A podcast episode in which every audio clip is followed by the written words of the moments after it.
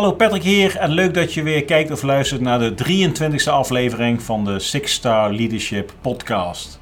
Ben je nog niet geabonneerd op YouTube, Apple, Pod, Apple Podcasts of Spotify? Nou, doe dat dan ook meteen eventjes of na de uitzending, want dan, uh, dan ontvang je en altijd een berichtje op het moment dat er een nieuwe podcast online komt. En je maakt ook kans op uh, leuke winacties die wij regelmatig uitzetten onder onze volgers en onze e-mail subscribers. Nou, ik heb ook de linkjes onderaan de podcast gezet. Dus uh, wil je dat gaan doen, heel graag. Uh, laat eventueel ook een reactie een recensie achter. Dan, uh, dan stijgen wij ook weer in de ranking en dan kunnen wij meer mensen bereiken met mooie verhalen. En mooie verhalen, we hebben er weer eentje. Um, Patrick van der Wal um, heeft een boek geschreven, Gevangen in Gevoel. En um, wie is Patrick van der Wal? Patrick van der Wal is momenteel wijkagent in Groesbeek. Nou, Groesbeek is mij wel bekend. Ik heb daar tot mijn dertigste gewoond. Patrick heeft een turbulent leven achter de rug. Hij, uh, en misschien ook nog wel voor zich, maar in ieder geval, um, hij, uh, hij, is hoogsensitief. Uh, heeft hij zelf achter moeten komen. En tot die tijd is hij eigenlijk altijd geconfronteerd geweest met de onwetendheid, ook van zichzelf. Maar met name ook van de, zijn omgeving. hij voelde zich onbegrepen. Hij, hij, wist niet zeker of het allemaal wel goed ging komen.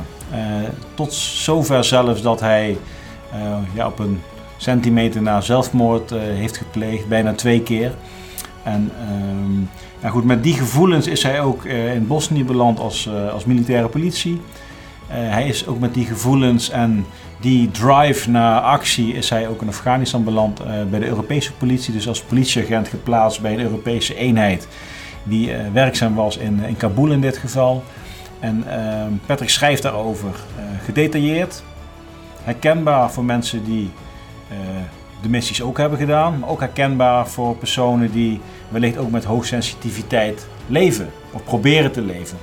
Nou, Patrick heeft dat hele verhaal heeft hij ook uh, uiteindelijk laten overgaan in een, een onderzoek uh, waarin hij zelf deelt welke stappen hij heeft genomen, waar hij tegenaan liep. En die nu uiteindelijk hebben gezorgd dat hij de Patrick is die tegenover mij zit. Mooi gesprek, diepgaand, gevoelig en helemaal in balans en gelukkig. Hij geeft zichzelf minimaal een cijfer een 8 of hoger. Uh, wisselt natuurlijk wel eens per dag. Uh, hij komt van een 2 en een 3. Ja, dus dat is gewoon uh, knap. Dat is fijn. En uh, helaas kan niet iedereen op deze manier die stap zetten. Nou, de missie van Patrick is om met zijn, zijn boek Gevangen in Gevoel mensen enerzijds zijn verhaal te laten lezen. Ook als een soort van self-healing voor Patrick zelf. Maar uiteindelijk heeft het wel geresulteerd in invulling geven van zijn missie. En dat is eigenlijk datgene wat hem is overkomen en ook heeft geholpen uh, te delen. En zodat hij ook anderen daarmee kan, kan helpen en ondersteunen. Of in ieder geval een, een platform kan zijn voor uh, oplossingen. Voor mensen die ook met zijn hoogsensitiviteitsproblemen hebben gelopen of misschien nog steeds lopen. Dat, dat uh, Patrick een deel van zijn uh, opbrengst van zijn boek ook aan de stichting 113 doneert. Dat is voor uh, suicidale veteranen, in ieder geval mensen die neiging hebben tot om te ondersteunen. En uh, ik denk dat het heel goed is. Ja? Dus wil je het boek bestellen? Linkje staat ook onder de podcast. En we gaan nu dekken door naar het gesprek met Patrick van der Wel. Veel plezier. Ja, ja. Hij zit beginnen. Ja, dat is goed joh. Ja, dat is goed. Ik heb hem al aanstaan, dus we hebben al alles opgenomen. Oké. maar ik kunt er wel wat uit. Hij mij gaan staan? Hij staat aan nu, ja. ja maar we beginnen nu. Ja.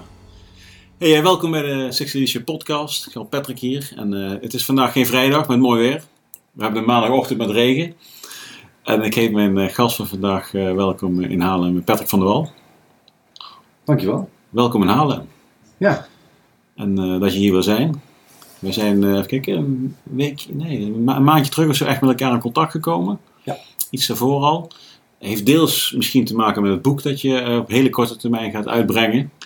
Uh, maar ik denk dat we nog veel meer mooie raakvlakken hebben die, uh, die gaat leiden tot een heel mooi gesprek. Daar ben ik van overtuigd. Ik ook. Okay.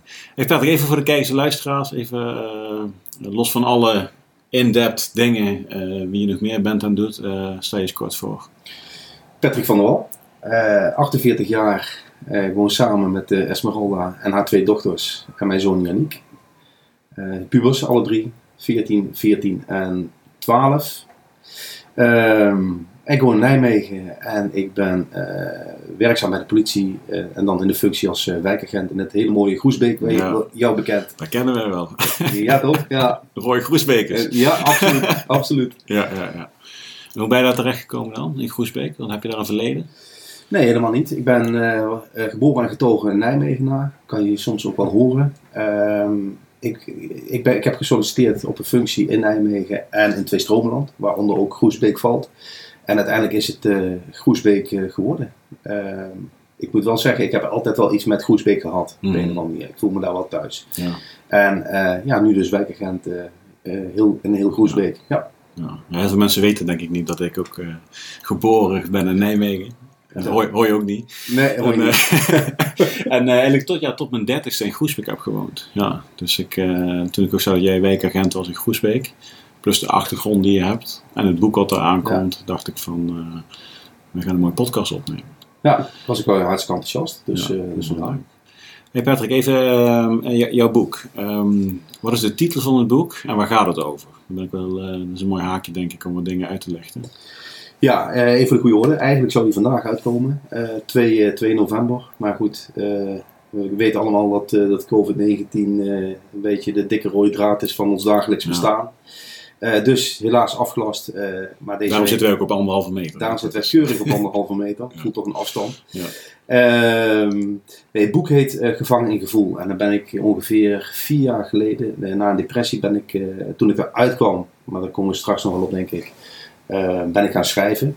En nou ja, uiteindelijk kwam er heel veel uit. Uh, zaken vanuit het verleden, uh, mijn zoektocht, mijn gevechten ja, tegen windmolens, achteraf gezien. Tegen mezelf, het bewijzen, ego. En uiteindelijk heeft dat ertoe geleid dat ik op mijn 45ste ehm, nou ja, uitklapte. Het was zeg een emmertje vol, maar wat is een emmertje vol? Hmm. Um, dus toen kwam ik eigenlijk zwaar depressief thuis te zitten. Dan ben ik uitgekomen, heel kort. En uiteindelijk denk ik van ja, ik wil niet dat mensen die, nou ja, een beetje zo als ik in elkaar zitten, want die, zitten, die zijn er, die bestaan er. Daar kwam ik pas later achter. Dat ze ook zo'n zo'n reis moeten afleggen. en dat, dat wil ik hem, ja, hen eigenlijk wel besparen. Okay. Dus Vandaar mijn boek. Dus dat is ook de motivatie voor het boek? Ja, ja dat is mijn motivatie. Oké, okay. maar wat, wat was even de, de, de, druppel, zeg maar, die dan op je 45-jarige leeftijd uh, daar niet overlopen? Nou, dat is heel mooi. Dat is een goede vraag ook. Er was geen druppel. Uh, ik, ik kwam erachter eigenlijk als kind dat ik anders was dan anderen. Alleen, uh, ik wilde, aan de ene kant wilde ik anders zijn en ik voelde ook anders. Alleen, voelen is natuurlijk heel subjectief en je hebt geen referentiekader. Dus je kan, je kan je gevoel niet vergelijken met jouw gevoel bijvoorbeeld. Hoe jij voelt, hoe, hoe dingen bij jou binnenkomen.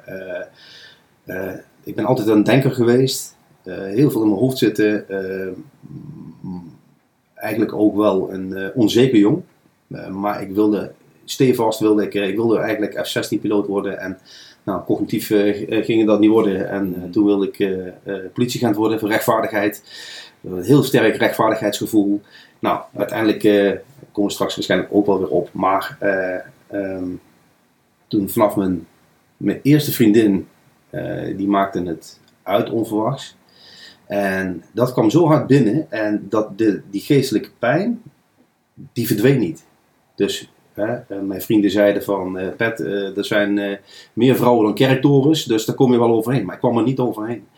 Nou, en toen merkte ik al dat, dat er iets anders was bij mij. maar dat liet ik niet, daar, daar vluchtte ik eigenlijk voor weg.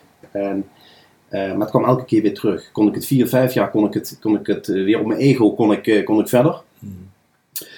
En dan klapte ik er weer uit, twee weken of zo. Of, of het ging echt slecht met mij. Het leek eigenlijk een beetje op manische depressiviteit, zou je het wel kunnen, kunnen noemen. Maar, maar niet zo sterk. En uh, nou, dat, dat herhaalde zich. Uh, en ik merkte dat heel veel dingen dieper bij me binnenkwamen. En dat, uh, wat ik daaraan deed, is mezelf anders voordoen dan dat ik daadwerkelijk was en voelde. Dus ik zat eigenlijk verstrikt in mijn eigen ego en mijn eigen gevoel. En vandaar ook de titel van het boek, Gevangen in Gevoel. Ja. Um, ja, toen was het ja, uh, van de een op de andere dag, 2016. Het was net uh, oud en nieuw geweest. En uh, nou, dezelfde week kwam ik het bed niet meer uit. Hm. Lukte niet meer.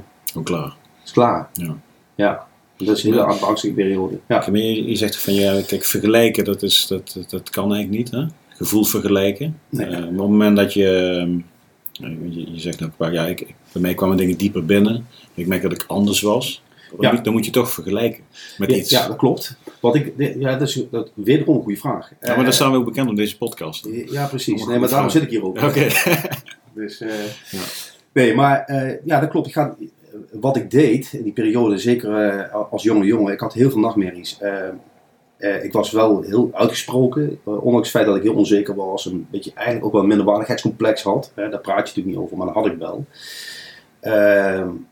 Ging ik, eh, sprak ik wel heel veel over mijn gevoel met andere mensen die ik vertrouwde. Eh, waaronder ook mijn oma. Eh, en dat is wel mooi, want toen ik eruit klapte, zeg maar, met mijn 45ste, mijn oma leeft nog, woont in Rotterdam, zelfstandig nog, 95 jaar oud. En ik vroeg aan mijn oma van, goh, eh, eh, eh, ik ging toen echt op zoek naar mezelf. Dus ik ging helemaal terug in de tijd, wat ik me kon herinneren. Nou, je had het straks over een ziekenhuis. Eh, als kind ben ik opgenomen geweest, ik was een paar jaar oud, drie, vier jaar oud denk ik. En ik heb al die beelden, heb ik nog, eh, de, geur, eh, de beelden, dat mijn moeder mij verliet. Ja, eh, het bezoekuur was over en ik zie haar in haar rode wollen jas weglopen. Ik zie de hele witte gang, de TL-verlichting nog, mensen die roken op de gang, dat mocht toen nog. Ja. En ehm, Hoe oud was je toen? vier jaar, denk ik. Ja, zoiets. En ik noem het eigenlijk maar traumatisch. Eh, maar ja, dan ben je vier jaar oud en dan weet je eigenlijk niet wat, je, wat normaal is of wat niet normaal is. Alleen je bouwt dan stress op. Nou, dat is ook weer een, een rode draad. Daar kom ik straks nog wel op. Ehm, en zo eh, bleef ik maar eh, proberen met mensen in gesprek te... dat is ook een redding geweest om met mensen te praten. Eh, maar heel veel mensen vonden mij toch, en vinden soms nog wel, ja, een moeilijke, moeilijk persoon. En Wat maakt het moeilijk dan? Of nog, wat maakt het nog steeds moeilijk dan in de ogen van sommige mensen? Dat ik een hele uitgesproken mening heb. eh, eh, en en eh, nou goed, het hoogsensitieve, wat ik dan, waar ik dan na 45 jaar ben achtergekomen, wat een, een, een persoonlijkheidskenmerk is, een karaktereigenschap, ben ik me er nu dus wel bewust van. Alleen, ik voel en pik dingen op die niet gezegd worden, bijvoorbeeld. Als iemand, ik kan mensen lezen, eh, en dat kan, kunnen 20 tot 30 procent van de hele bevolking, die hebben heel vaak ook onbewust deze karaktereigenschap. Nou, ehm, soms maar eh, als iemand wat tegen mij zegt, of ook in mijn werk, eh, eh, weet, voel ik mensen al goed aan. Dat, dat, dat is absoluut een voordeel. Alleen het is een nadeel als jij weet dat je eigenlijk bedonderd wordt. Of dat, je, dat, je, dat iemand iets zegt en je voelt dat het gewoon totaal niet klopt. Het klinkt zweverig, maar dat is het gewoon niet. Hè. We, hebben, we hebben het over buikgevoel. Je voelt soms dingen aan. En een hooggevoelige, eh, zoals ik dan, maar dat leg ik straks uit, dat, ehm, eh, en, en je bent je er niet bewust van, dan kan het eh, een valkuil zijn, uiteindelijk. Dat je zoveel, dat je zoveel energie kost, dat mensen, ehm, ehm, eh, dus dat je daadwerkelijk echt leeg loopt. Mhm. Dus je moet het zo zien dat je eigenlijk totaal open staat. Je staat volledig open. Je hebt geen filter. De normale mensen hebben een, een normale, ik bedoel niet dat ik abnormaal ben, maar, hè, eh, maar Maar 30% is geen kleine groep. 20, het is 20 tot, 20, 20 tot 30. Ja, Wetenschappelijk, nee, dat is, dat is heel veel. Ja. Ehm, eh, en daar is ook heel veel bekend over. Mhm. Alleen niet in de organisatie waar ik werk. Of eh, zoals Defensie waar jij hebt gewerkt. Ehm, eh, dus vandaar nou ja, is het een hele, hele reis geworden waar ik ook mezelf heb geanalyseerd. Ja, dus onder andere met mijn oma, met mijn vader heb ik gesproken. eh, eh, ja, dus, dus wel heel confronterend. Mhm. Mijn oma zei op een gegeven moment, mijn oma voelt ook dingen goed aan. Die zei, eh, die heeft op een gegeven moment tegen mijn ouders gezegd, toen was ik een jaar of 12, 13. Met alle goede intenties van Patrick gaat niet oud worden. In die zin dat, eh, dat het leven voor mij te zwaar gaat worden en dat ik er uiteindelijk op enig moment een keuze ga maken om eruit te stappen. En ze heeft gelijk gehad. Je bent dichtbij geweest. Ik ben dichtbij geweest. Hm. Ja. Wil je er iets over vertellen? ja, ik weet niet of het dan helemaal door elkaar heen loopt, Dat maar gaat altijd hier. Dus. dat is prima. Dan, komt- Ja. dan maken we Ja. wel koek van. Ja, ja, ja. Ik, eh, ja, dan, dan, dan ga ik even terug in de tijd. Mhm. Ehm, ik was, ehm, ik zat in een opleiding voor, eh, voor eh, onderofficier bij de Marge Dus, Hoe oud was je toen? ik was, even denken, 20. Nou, dat is jong. Ja, ik was eerst, eh nou, eerst dienstplichtig eh Marge was ik. Mhm. Eh, lichting 91-4. In juli moest ik opkomen. Ja. Ja, ik was er ontzettend trots op. Op school lukte het allemaal niet. En toen heb ik uiteindelijk eh, eh, eh, mezelf opgegeven voor de dienstplicht toen nog. En eh, ja, ik kon, eh, het, het lukte nergens. Ik denk, nou, die spreek eventjes een jaar spijt en dan eh, gaan we kijken wat ik wil. En ik wilde politieagent worden, eigenlijk. Nou, eh, opleiding hartstikke leuk. eh, leuke tijd. Ik ben toen bij, eh, na de, de, de, de opleiding dienstplichtig, ben ik naar Schaarsbergen gegaan, naar het 11e eh, eh, Koninklijke Marché Escadron. Dat was net opgericht toen, denk ik. De luchtmobiel. Oh, luchtmobiel. Ja, wij, Ja. wij gingen daar uiteindelijk weg. Ja. En toen, dat was eigenlijk het paradepaadje. Oh, je hebt plaats moeten maken. We hebben plaats moeten Ja, maken ja, voor de oké. elfde, ja. ja. Dat Ja. vonden de mannen niet erg natuurlijk. We waren niet zo populair als, als kalkemmer, noemen Ja. Hè? Dus eh, een hele leuke tijd gehad. Eh, gesolliciteerd bij de politie. Eh, maar ook bij de Marge. En dat was een onderofficiersopleiding. Dat is een nieuwe wachtmeestercursus, nieuwe stijl. Dus eigenlijk KMS, maar dan voor de Marge blauw. Dus, dus dat deed eigenlijk wel alle... alle dus de, AMO, de militaire opleiding, maar ook de kaderopleiding en, en de blauwe vakken. Dus en uiteindelijk kwam je als algemeen opsporingsambtenaar. Ging je, werd, je, werd je geplaatst. Nou, dat eh, heeft voor mij, eh, even kijken, van 1992 tot 1994. Toen, eh, toen had ik een relatie. Dat was ehm, met, ehm, met een dame waar ik dus ook al over schrijf in mijn boek. En nou, ik moet zeggen, ik was een van de, de zwakkeren in de opleiding. Ik was dienstplichtig geweest, zoals ik je vertelde. En de dienstplicht heeft geen goed gedaan voor mijn lichaam eh, toen. eh, Ja. Veel biertjes, veel eh, vette happen. Ja. Nou ja, dus ik kwam redelijk zwaar de onderofficiersopleiding in.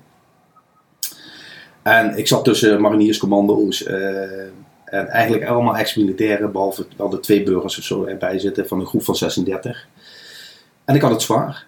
Eh, ik had het zwaar het veld, ik had het zwaar eh, eh, qua concentratie. Eh, in de bivakken die we heel veel hadden, sliep ik niet. Ik stond altijd op scherp, alert. Dat waren eigenlijk een beetje de eerste voortekenen dat ik anders was dan anderen. En eh, hoe meer er op mij gelet werd, hoe slechter ik ging functioneren. Ik zat er gewoon niet goed bij. En eh, nou, uiteindelijk heb ik toch, eh, ben ik met veel pijn en moeite de opleiding eh, heb ik eh, beëindigd, of nee, niet beëindigd, maar die ben ik eh, afgekomen. Ik ben eh, beëdigd en, en ik ging naar Nijmegen. En daar woonde ook mijn, mijn toenmalige eerste vriendin, zeg maar. Wat is de naam van in het boek van die vriendin? Gislaine. Gislaine. Dat is een andere naam. Ja, ja, ja. Ja, dat sowieso. Ehm, maar goed, dus ik, eh, ik, ik zoot hem af en we gingen naar Mexico met, met haar ouders en familie. En ik kom terug, dat was de Vierdaagse wel bekend, hè, de Vierdaagse feest in Nijmegen in 1994. En eh, nou ja, zij wordt verliefd op een, eh, komt die aan, een F-16-piloot. dus, eh, en toen was de relatie over. Ja. Nou, en daar heb ik heel veel last van gehad. En dat was eigenlijk de eerste, denk, waarom voel ik me zo zoals ik me voel? Nou, ik was onderofficier. Ik was een van de jongsten van, van de brigade Nij- Nijmegen. Voor jou misschien bekend de Koelhoornstraat, Ja. bij de wedrennen in de buurt. Limos. Ja, bij Limos Ja. eh. Dat was ook mijn werk als uh, militair politie. eh, eh, Oh, is oh, de marché eh, kazerne kazerne bedoel je? Ja, de Oh, ja, dat echt bij Limos. Ja. Ah, oké, ja. Klopt. Ehm, alleen, ehm, ik kon niet verkroppen dat, eh, ja, dat die relatie eh, achter de rug was. Ik heb allerlei pogingen nog gedaan, maar het was, eh, het was klaar. Ik kwam er niet uit, dus ik, ik liep gewoon vast. En eh, een, een gevoel wat ik eigenlijk niet heel lastig kan omschrijven. Ehm, maar het was niet te doen voor mij. Het was echt een, een geestelijke pijn. En eh, ehm, op enig moment, eh, het was een, een herfstachtige avond. eh, eh, ik had een, een, een avonddienst. En toen heb ik mijn. toen hadden we net de klok, geloof ik. En die heb ik mee in huis genomen. Ik ben naar huis gegaan. Mijn ouders zaten met mijn broertje televisie te kijken. Ik zei, ik was 22 toen. En ja, ik, ik wilde er eigenlijk uitstappen. Ik, ik, ik trok het gewoon niet meer. Ik, nee, dat, eh, ik merk wel als ik daar elke keer over heb en, en dan, dan, dan, ja, dan doet het me nog steeds wel, wel, eh, wel wat. Ehm, Maar je was thuis toen, ik was thuis. Ik zat eh, op de kamerboom. op een kamertje, mijn zolderkamer. met de zalmroze muren die Gislaine voor mij gekozen had. En eh, nou ja, uiteindelijk heb ik het dus, dus niet gedaan. Eh, maar toen was er dus ook oorlog in, in, in Joegoslavië. En eh, ik was de jongste tellig. Eh, ik had zoiets van, nou weet je, eh er moesten aantal... even terug, maar wat, wat, wat, waarom heb je het uiteindelijk niet gedaan? Wat, wat gebeurde er?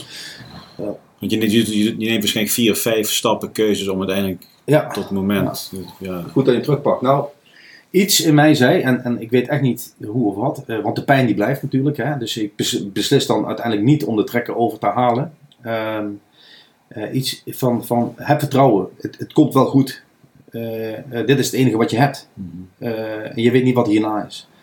En, en dat is ook zo natuurlijk. Ik weet het niet. Ik hoop dat er, dat er iets is hierna, maar ja, ik weet het niet. En ehm, ik denk, ja, dit is het enige wat ik heb. En daarom heb ik besloten om het niet te doen. Kwam er een gedachte in je Ja, voorbij? ja van Patrick niet doen. Ja. Dat. Ja. we gaan direct door, Ja. maar even, even terug naar dat. Kijk, ehm, kijk, je hebt natuurlijk je, hebt je gedachten, je hebt het gevoel, emotie, Ja. gedrag. Dat is natuurlijk vaak de volgorde. Maar Ja. Vaak, voor mij in mijn ogen, is dat de volgorde. Mhm. Ehm, kijk, een gedachte heb je vaak eh, niet in de hand. Die, die komt voorbij, weet je wel. Eh, ik denk wel als je, ik- want ik weet het niet. Misschien zit ik ook wel in 20%, dat weet ik niet. Maar jij als hoogsensitief persoon, komt er meer binnen. En als je die gedachte niet goed kunt progressen, dat daar juist de shit uit komt ook. Dat, nou, dat, daar zit hij ook. En ehm, het, het probleem wat, wat ik daarbij had, en, en dat maakt het eigenlijk, eh, eh, eigenlijk voor, voor mij persoonlijk een leidersweg wat ook niemand begreep. Van, joh, stel je toch niet zo aan kerel, wat, waar maak je nou druk om man? Hè, hetzelfde met die kerktorens en die vrouwen. hè. Eh, dat, ik denk, ben ik nou, ben ik nou gek? Of, of niemand begreep het, niemand begreep het. En ehm, ik kon wel over gevoel praten, maar eh, het malen, dat, dat ging door. Daar begint het. Ja. Maar dat begon al bij mij toen ik, zolang ik kan herinneren dat ik leef. Eh, eh, die prikkels die binnenkomen, hè, je, je, je hebt een filter. Ik, nou, hoogsensitieve personen hebben eigenlijk nagenoeg geen filter. Dus die nemen alles op, ook heel diep. Dat vertalen zich bij nachtmerries. Dus ehm, wat doet dat lichamelijk met je? Een, een, laten we zeggen, een, een peuter of een kleuter die stress opbouwt, is uiteindelijk cortisol eh, aanmaakt. Ehm, dat is uiteindelijk gewoon schadelijk voor, voor eh, de individu. Nou, dat is Wordt het ook opgeslagen, zeg maar, stress? ja. Dus, en, en, en kennelijk ehm, eh, wordt dat bij mij verwerkt in mijn dromen en nachtmerries, die ik nog steeds heb hoor, overigens. Ehm, maar ik weet niet beter meer. Maar als kind heb ik echt nachtmerries gehad. En, dat is echt, en ook als volwassen persoon zeg ik van, het, is echt bij de, het was echt bij de beesten af. Het was gewoon zo gruwelijk. Ehm, maar ja, ik kon erover praten, maar meer ook niet. Het bleef maar aanwezig. Altijd. Altijd. En als ik me slechter voelde, er zaten ook wel eens leuke dromen bij. Maar dit begrepen mensen al niet. Dromen? Nee, droom niet.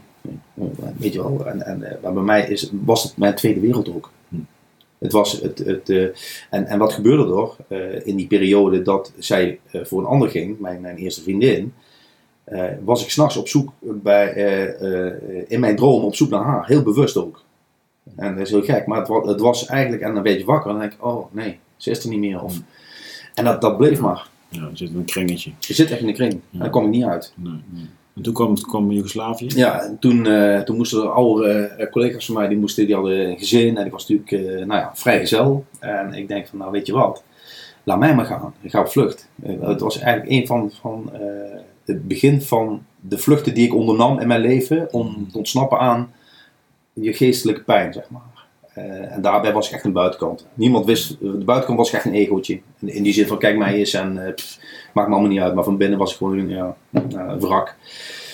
Toen heb ik eh, mij vrij, vrijwillig opgegeven en nou, ik was net van de opleiding af. Zeiden, nou, moeten we wel doen. En ik ben echt door gaan zeuren en ik wil en ik dit en dat. En uiteindelijk Lo- gegaan. Lobbyen bij de oude garde. Je lobby bij de oude, ja, dat heb ik gedaan. Ja, Ja, dat zeg ik joh, hey, luister, ik wil, ja, die kleine die wil wel. Ja, Ja, ja. maar ik heb, ik, heb, ik, heb, ik heb kinderen, laat hem maar gaan. En eh, nou, zo is het gegaan.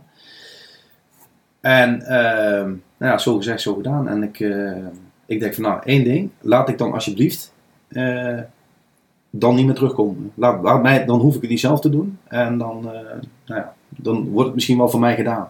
Je ging al met die intentie Ja, naar het Ja, IJslandgebied. 100%. Ja. ja ik, En dat, en dat is de lichting ook waar, waar Srebrenica is gebeurd. Ja. Eh, even denken. Eh, nee, die waren net twee maanden voor mij. Dat was dus wat drie.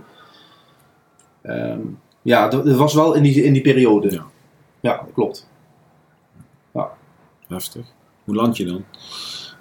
Hoe land je dan in Joegoslavië? Want je hebt Ja. gevlogen op Zagreb of op Split. Nee, Zagreb. Zagreb. En ehm, ik was hartstikke jong. Ik was, ik was een voorrotatie van ik wilde zo snel mogelijk wilde ik, wilde ik weg. Ik wilde weg uit, uit Ik was alleen maar aan het stappen, aan het sporten, eh, alles overmatig sporten, stappen. Mm. Nou ja, dat, vluchten, noem het dan maar.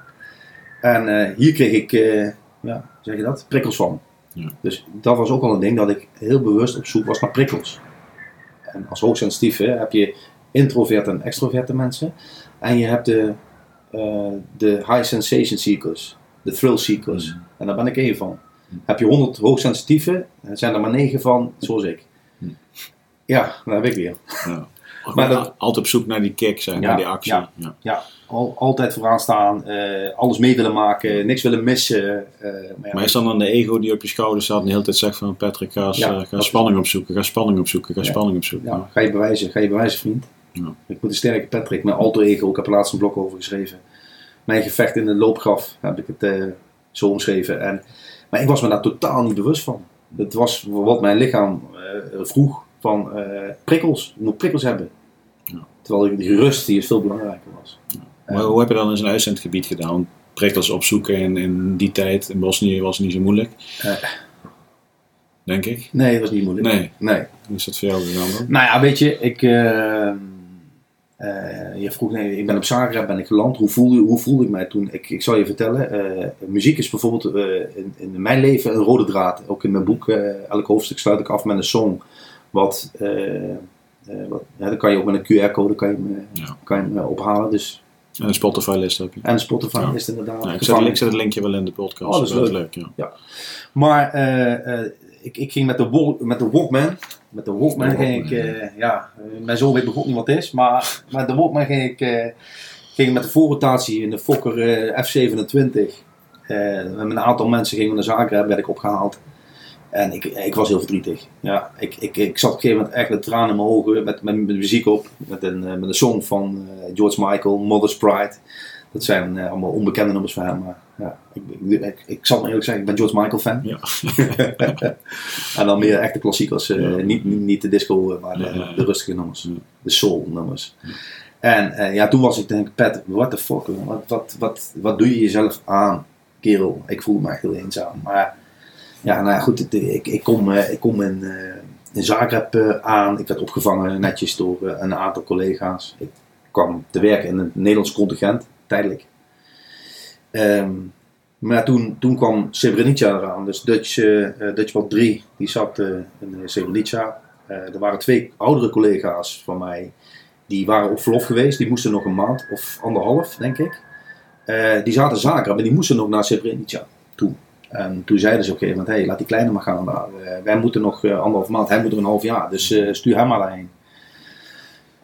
Nou ja, dat is uiteindelijk eh, mijn opperwachtmeester, eh, die, eh, die zei van, ja, die, die had zoiets van, ja, ik wil niet met twee ongemotiveerde oude lullen zitten. En, ik hou Patrick hier. En achteraf gezien misschien ook wel goed. Die mannen zijn teruggegaan.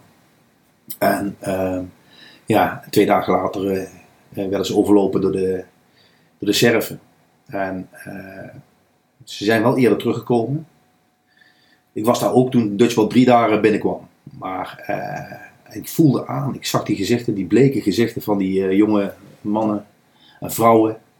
En dat was zo bizar. Dat, eh, ze kwamen binnen, ze werden wel eh, onthaald. Maar die blik vergeet ik nooit meer. Ik denk, dit, dit, ik krijg nog kippenvel. Eh, dit, gaat, dit gaat de boeken in op een negatieve manier. En toen wist ik nog niet eens precies wat er aan de hand was. Als jonge wachtmeester kreeg ik wel faxen binnen. Onder andere secret faxen. Waarbij duidelijk werd aangegeven dat er gewoon geen luchtsteun werd, eh, werd verzorgd. De straaljagers die in eh, Villa Franca eh, paraat stonden, stonden klaar, maar die mochten niet weg. En dat las ik. Dus je weet, ja. Nou, uiteindelijk weet iedereen hoe het afgelopen is. Eh, ik heb er, ondanks het feit dat ik het niet heb meegemaakt, vergeet ik nooit die blikken. En ik wist, daar zijn een aantal van deze jongens en meiden die gaan dit niet halen. Die gaan uit het leven springen. Of, ja. en, en het is gebeurd. Het is gebeurd. Ja. Nou, daarin hoeven we verder niet zo heel veel eh, o- Tot op de over- dag van vandaag. tot, op- ja, ja, tot op de dag van vandaag. En, eh, en ik merkte dat het ook, ondanks het feit dat ik daar niet was, voelde ik wel die, die, ja, waar zij in hebben gezeten. Mhm. En, en eh, ja, ik vind het wel heel schijnend. En eh, ook, ook dat er zoveel eh, ja, van onze collega's dan eh, ook gewoon PTSS hebben opgelopen door hetgeen wat ze daar hebben gezien. En moesten ondergaan eigenlijk. Dus eh, ja, dus dat eigenlijk. Ik ben, ik, ben, eh, nou, ik heb die half jaar, uiteindelijk ben ik naar Bosnië gegaan. Eh, nou, ik heb daar mijn ding gedaan. Tussen de, de missie door kreeg ik briefcontact, een brief, een brief schrijven. Maar toen ook eh, een telefoon, hè, met, met zo'n met zo'n kaartje. Welfare. Welfare. Ja, ze zat, ze, Ja. via, ja, dan kon je, kon je bellen. Hè. Eh, za- zat, 10 seconden tijdsverschil. ja, dat. En dus ik vluchtte in een, in een relatie eigenlijk met, met, mm, ja, met mijn toenmalige vriendin. Hmm. Dus niet de eerste, maar dus weer een ander. Eh, dus ik kwam thuis en ik ging heel snel eh, samenwonen. En ik denk, en doorgaan. Maar eh, ja, dat ging nog niet worden. Een jaar na mijn uitzending was dat. Dat was eh, 1996. Daar is ook nog, dat weet ik nog, een, eh, een Hercules neergestort. Oh, met, de eh, KDC toen. hè?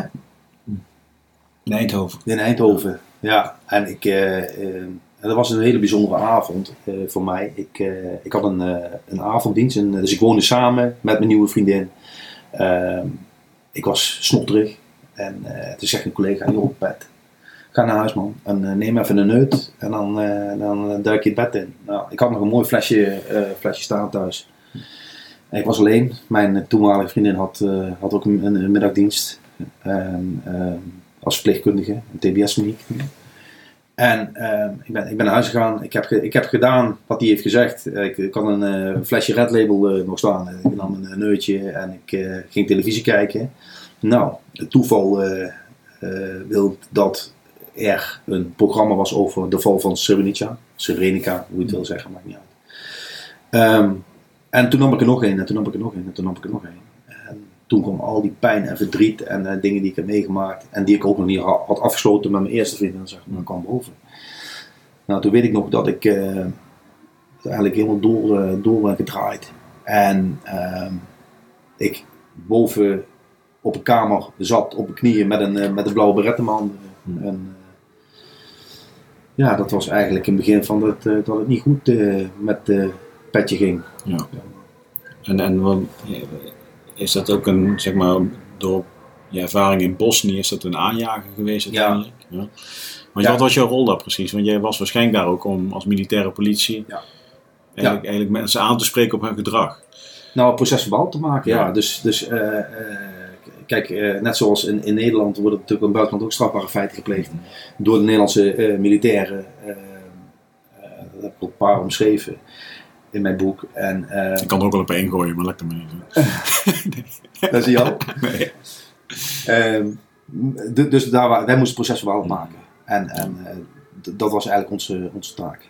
Ja. De Re- Regimental Military Police en je had de, de UN Police, had je, daar kon ik ook bij. Eh, maar uiteindelijk hebben ze mij ingedeeld bij, eh, bij het Nederlands contingent als, eh als politieagentje. Ja, oké. ja, ja.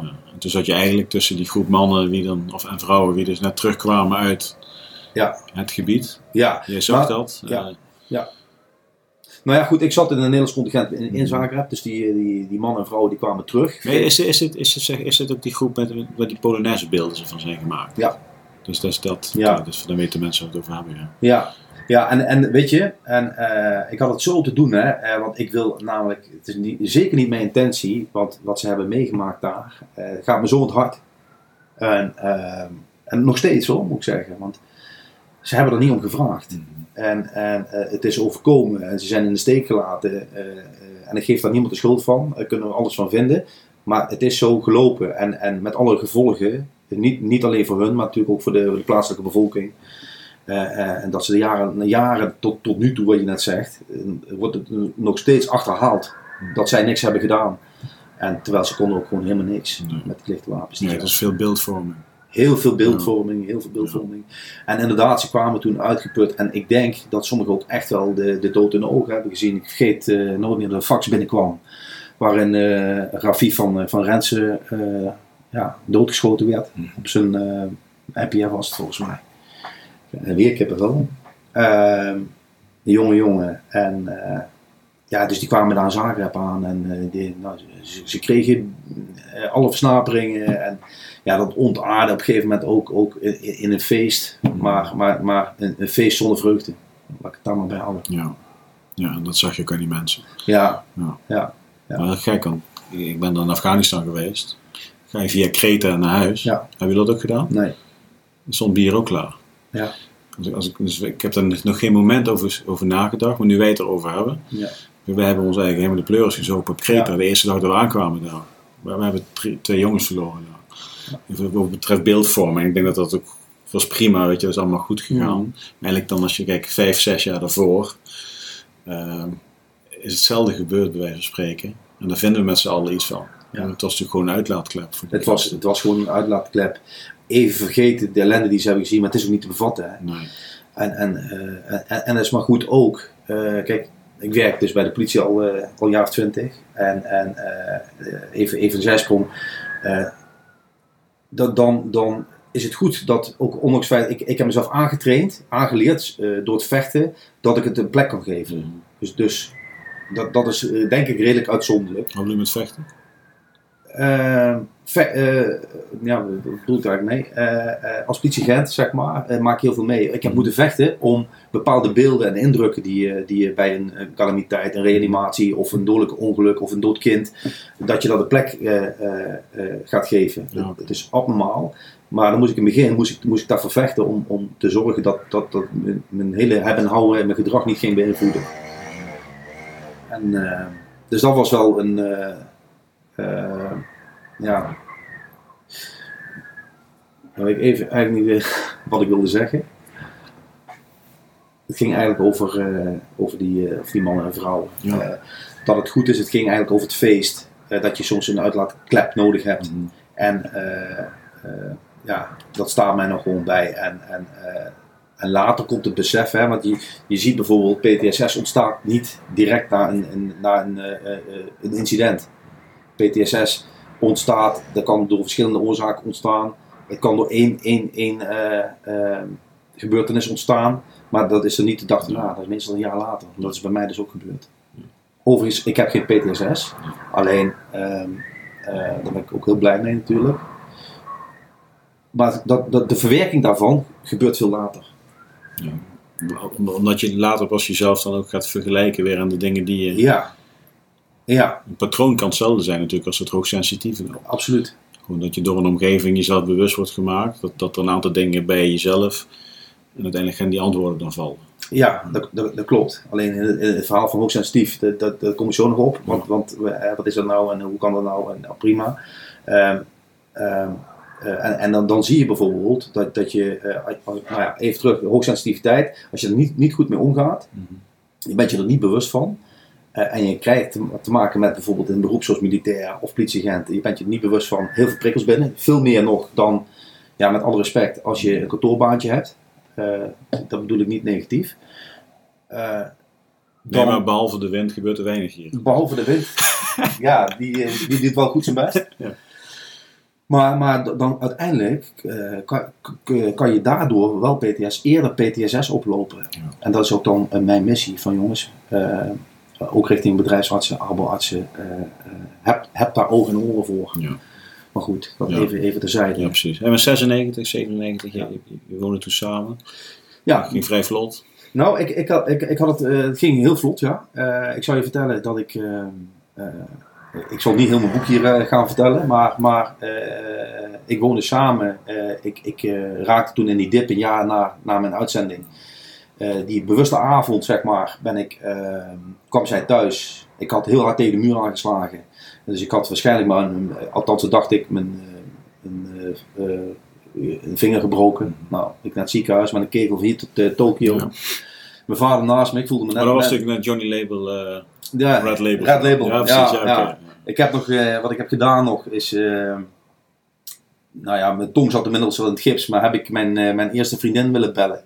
Toen kreeg ik eh, de ouders van eh, vader of moeder, ik weet het niet meer, aan de telefoon. En ehm, nou ja, dus ik schaamde me natuurlijk kapot.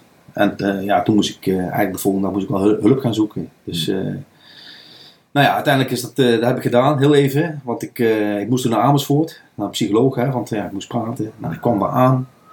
Ik, eh, ik, ik heb een, een een liedje aan, aan, aan die tijd gekoppeld in mijn boek. En dat is eh, een verschrikkelijke klootnummer, eh, Lemon Tree van Fool's Garden. Dat gaat eigenlijk over een depressie. Hè? En, en, en ik zit daar een jonge psycholoog aan de overkant van de tafel. En, en ze, ik moest naar Amersfoort, dus het is best een stukje rijden nog. En ze zegt, oké, want ik was aan het vertellen, ik moest alles kwijt. En dus ja, het uur zit erop. Dus kijk de klok, het uur zit erop. Dus volgende week weer. Nou, ik ben niet meer teruggegaan. Ik voelde me zo onbegrepen. En zij deed haar werk natuurlijk, dat snap ik ook wel. Maar ik voelde me totaal niet gehoord. Eh, ja, daar vond ik eigenlijk ook wel wat van hoor. En, eh, want voordat je het, het, het gebied verlaat, in dit geval Bosnië, krijg je een gesprek met een psycholoog. Hoe je erbij zit. En dan met de drie collega's, zeg maar. Dus, dus ja, niemand voelt zich daar geroepen om, ja, om iets te zeggen. Hmm. Althans, de meesten niet, ik ook niet. Nou, ik, eh, ik ben weer verder gaan in mijn ego. En eh nou, de relatie eh, met, met, met de tweede vriendin, zeg maar, waar ik mee samenwoonde, die was snel over. Omdat ik mijn eerste vriendin weer tegenkwam. Die kwam weer in mijn leven. Haar relatie met de F-16-piloot was uit. Nou ja, en dat was eigenlijk het begin van het einde. Ik heb mezelf anders, zo anders voorgedaan. Ik kreeg dus weer een relatie met haar. En met Gislaine. En ja, dat, eh, ja, dat kwam uiteindelijk maar van één kant. Van mijn kant. En eh, ja, toen heb ik me eigenlijk zo, zo eh, anders voorgedaan als dat ik daadwerkelijk was. Om te zorgen dat ik haar niet kwijt pleasen. Ja. Ja. Nou ja, uiteindelijk was het een dag gezegd van, je hebt het net niet. Ja, dat, dat, ja, was, was het weer over. Ik was weer bang dat ik weer in de, in de, in de put zou Mhm. raken. En dan, Maar wat, wat, wat was je werk op dat moment? Op dat moment werkte ik eh, bij de Marché. De marge. Ja, als onderofficier nog. Ja. Oké, en hoeveel jaar is het voor de uitzending naar Afghanistan? Eh, even denken, 13 jaar, 14 jaar. Ik dacht, oh, dat is zo verder voor. Nou. Ja, ja, Oké, maar hoe ben je uiteindelijk in Afghanistan dan beland? Er zit natuurlijk Ja. dat stuk ertussen. Ik heb het boek natuurlijk gelezen. ja. Nou ja, goed, ik ben eh, in, over prikkels gezocht. Ik Ja. ben, in 2000 ben ik overgestapt naar de politie. Mhm. Dat was eigenlijk mijn droombaan. Ik zat er heel, wel goed in mijn vel. Eh, conditioneel was ik eh, was perfect. En eh, eh, nou, ik, ik voelde mezelf verzekerd. Eh, ging leuk stappen. Echt, echt. Nou, was gewoon, eh, en ik was zo trots dat ik politieagent was. Dus dat ook buitenkant. Maar eh, ik heb mijn doel bereikt. En eh hele leuke tijd gehad. Half jaar opleiding gedaan. En toen ben ik eh, ook weer in Nijmegen als politieagent begonnen. Ja, dat was, het, kon, kon niet op. Het was gewoon eh, het was su- super, eh, super leuk. En eh, daar kreeg ik energie van. Maar toch altijd waarschijnlijk wel die latente stress, onrust in mijn, eh, in mijn systeem, wat, wat, wat aanwezig bleef, onbewust. Nou, toen ben ik, eh, zo kwam ik, eh, toen kreeg ik een relatie met, eh, met Esmeralda. Hm. Eh, dat was, je, je huidige... ja, ja, dat klopt. Dat was in zeg maar 2000, 2001. En we hebben twee jaar samen gewoond. En toen zijn we uit elkaar gegaan. Ja. En nou ja, zij kreeg een partner, eh, twee kindjes. En ik kreeg een partner, één kindje, mijn zoon. Nou, eh, en toen ben ik eh, uiteindelijk met mijn toenmalige vrouw, die ik getrouwd was, dus de moeder van, van mijn zoon, afgesproken dat ik naar Afghanistan, de politiemissie Gunduz kwam, kwam op het pad. En toen heb ik met overlegd, joh, verder van ons daar naartoe gaan. Was voor een half jaar, de politiemissie. Ja, is goed. Nou, een heel op opwerktrek gedaan eh, van twee, drie jaar. eh, zonder dat ik eh, nog weg was. Dus je was gewoon twee, drie jaar lang onzeker, onzekerheid. Maar het gaf ook weer die prikkels om door te gaan. Van oh, nog even, nog even, nog even. Nou, toen was het 2011 in de zomer. werd ik gebeld van Patrick, je gaat in november ga jij naar Afghanistan. Ja. En dat is de missie van de foto. Ja. Die op jouw boek zit. Ja, dat, is, dat klopt. Dat, eh, ja. Dus toen ben ik daar eh, naartoe gegaan. En eh, die foto inderdaad, dat was de dag dat wij zaten in Kabul op een, hoe zeg je dat? Nou, wat die missie? Nou, erg.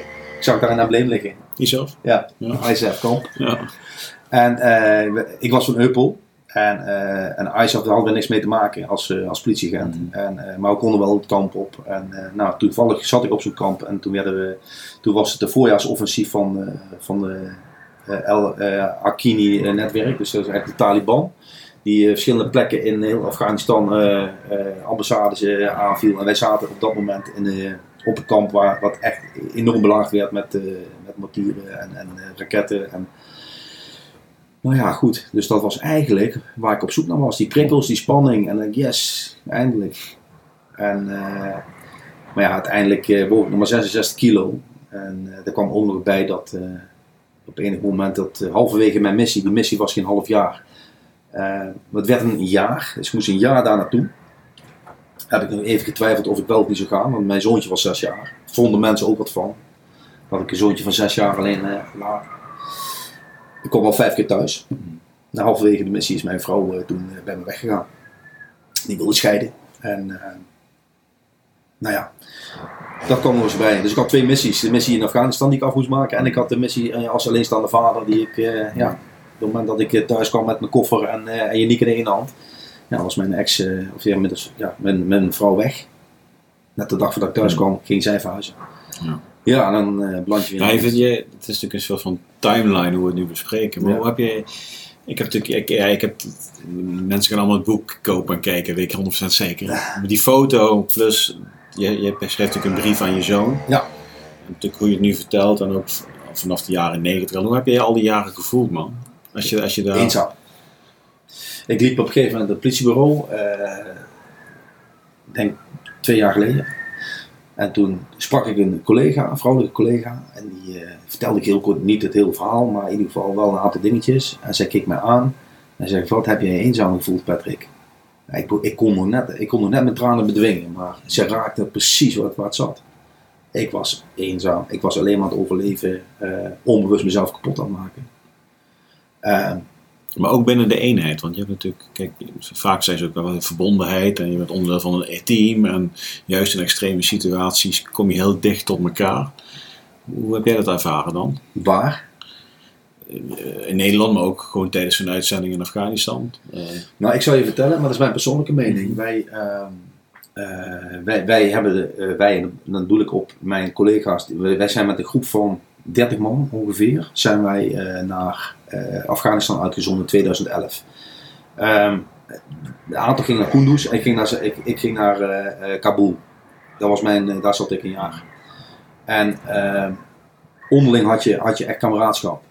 Eh, maar er zaten nog meer Nederlanders en, en eh, je werkte samen met, met eh, collega's uit eh, Canada, Amerika, eh, Oostblok, eh, ja, Roemenië, eh, allerlei eh, eh, culturen door elkaar heen en daar deed je klus mee, om het zo maar te zeggen. Maar ik moet zeggen, eh, dat kameraadschap heb ik daar niet, heb ik daar niet gevonden. Heb ik daar niet, eh, niet gevoeld, helaas. nee. Dat was wel een teleurstelling. Ook, ook, ook bij sommige Nederlanders eh, daar, die alleen maar heel egoïstisch dachten. Dat vond ik, eh, vond ik heel bijzonder. E- egoïstisch in de zin van alleen... Kijk, kijk, mij, kijk mij eens, eh, ik heb een mooiere functie als jij. En eh, eh, oh, ik word geïnterviewd straks. En ja, Maar is, is dat ook misschien...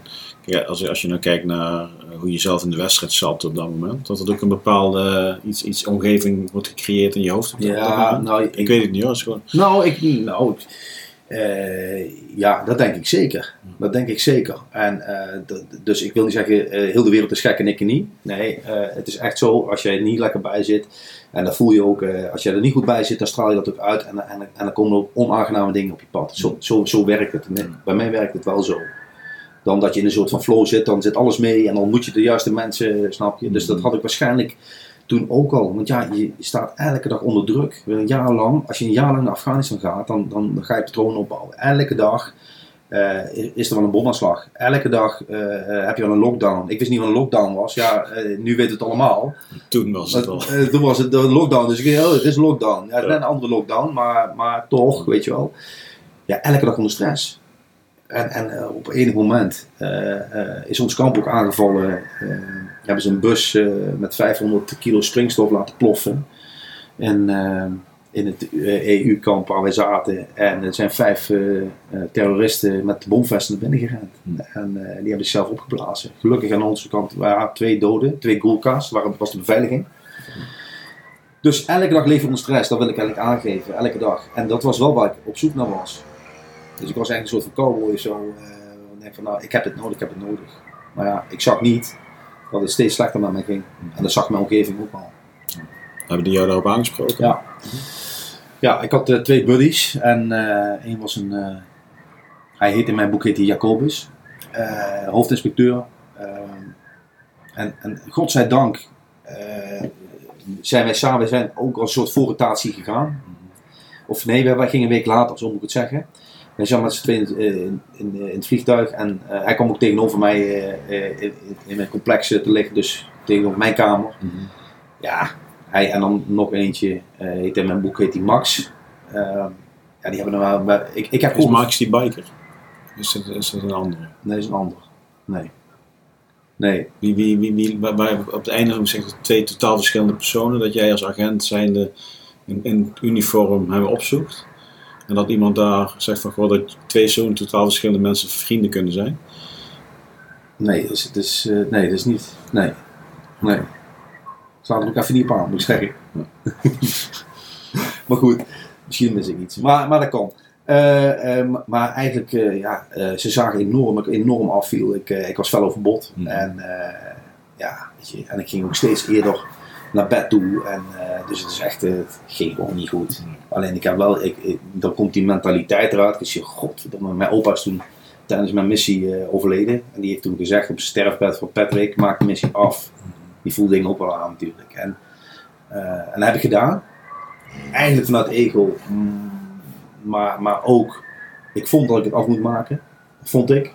En nou, dat is gebeurd. En, maar ik had het niet zonder hun eh, eh, kunnen, kunnen doen, denk ik. Nee. Als gesprekspartner. Als gesprekspartner. Wat zeiden ze tegen jou dan? Wat dan te Nou, maken? Ja, ze luisteren naar mijn verhaal en, en eh, toevallig was eh, Max in dit geval, die was ook net gescheiden. Dus ja, dan kom je weer- ook zaken moeten geregeld worden, eh, convenanten. dus dat kwam er even bij. Dus je zit en in een oorlogsgebied en je moet zorgen dat, dat alles ook geregeld wordt voor je zoon van zes jaar oud. Dus eh, ja, het, is, eh, ja, het was een hele, zwa- hele zware tijd gewoon. En daar hebben ze me echt wel eh, bij, bij geholpen. Dus, en, en onvoorwaardelijk broederschap nou, onvoorwaardelijk. Ja. Dat onvoorwaardelijk. is toch die verbondenheid dan? Dat is die verbondenheid, ja, onvoorwaardelijk. Ja, ja, ja. Ja. En eh, dan kom je terug in Nederland. Ja. Uiteindelijk, eh, die, die brief speelt voor mijn gevoel, is dat echt wel een rode draad ook met jouw zoontje. Ja, Uiteindelijk, vertel daar zo meer over. nou ja, eh, je hebt natuurlijk best wel veel meegemaakt. Eh, wat, wat, wat op een gegeven moment ook, eh, dat moet gaan landen. Maar ja, je komt eigenlijk van, wat ik al zeg, de, de missie Afghanistan, een jaar lang, kom je in een missie thuis. Mijn ex die ontfermde zich, ik was geen zandbakvader om het zo maar te zeggen. Ik was Mhm. niet, ik, met kleine kinderen, ik vind het hartstikke leuk, maar ik heb daar niet zo heel veel mee. Dus ik wil, ja, ja, het is misschien heel, heel veel, heeft ook te maken met Nee, maar ik snap wat je bedoelt. Ja, nee, wel, zandbakvader, dat weet je wel, hè? Of drachter, Ja, zijn buikzak, Ja. weet je niet. En, en ehm, eh, eh, ja, dat was heel lastig, heel lastig. Want, want ik, ik, ik moest alles wat zij deed, moest ik nu voor hem doen. En, eh, en liefdevol hoor, moet ik zeggen. Want eh, mijn zoon en ik, mijn zoon is inmiddels 14 jaar oud. Wordt 15 december. Eh, we zijn gewoon twee vrienden van elkaar. Twee, twee, twee broeders. En dat is, dat is, zo, dat is zo leuk. Hij is een kop groter dan ik, maar eh, hij is echt geweldig, weet je. Nee, ik kom thuis, dat was heel lastig om de draad op te pakken. Ik zat nog echt in die verwerking eh, eh, van, van eh, heel het gebeuren met, met, met, met mijn scheiding. Eh, ik miste mijn buddies, Max en eh, Jacobus. Mhm. Ehm, ik, heb ze, ik heb ze echt gemist. Ik heb ze echt gemist. Ja, ik, ik wilde, wij spreken zo, zo weer terug.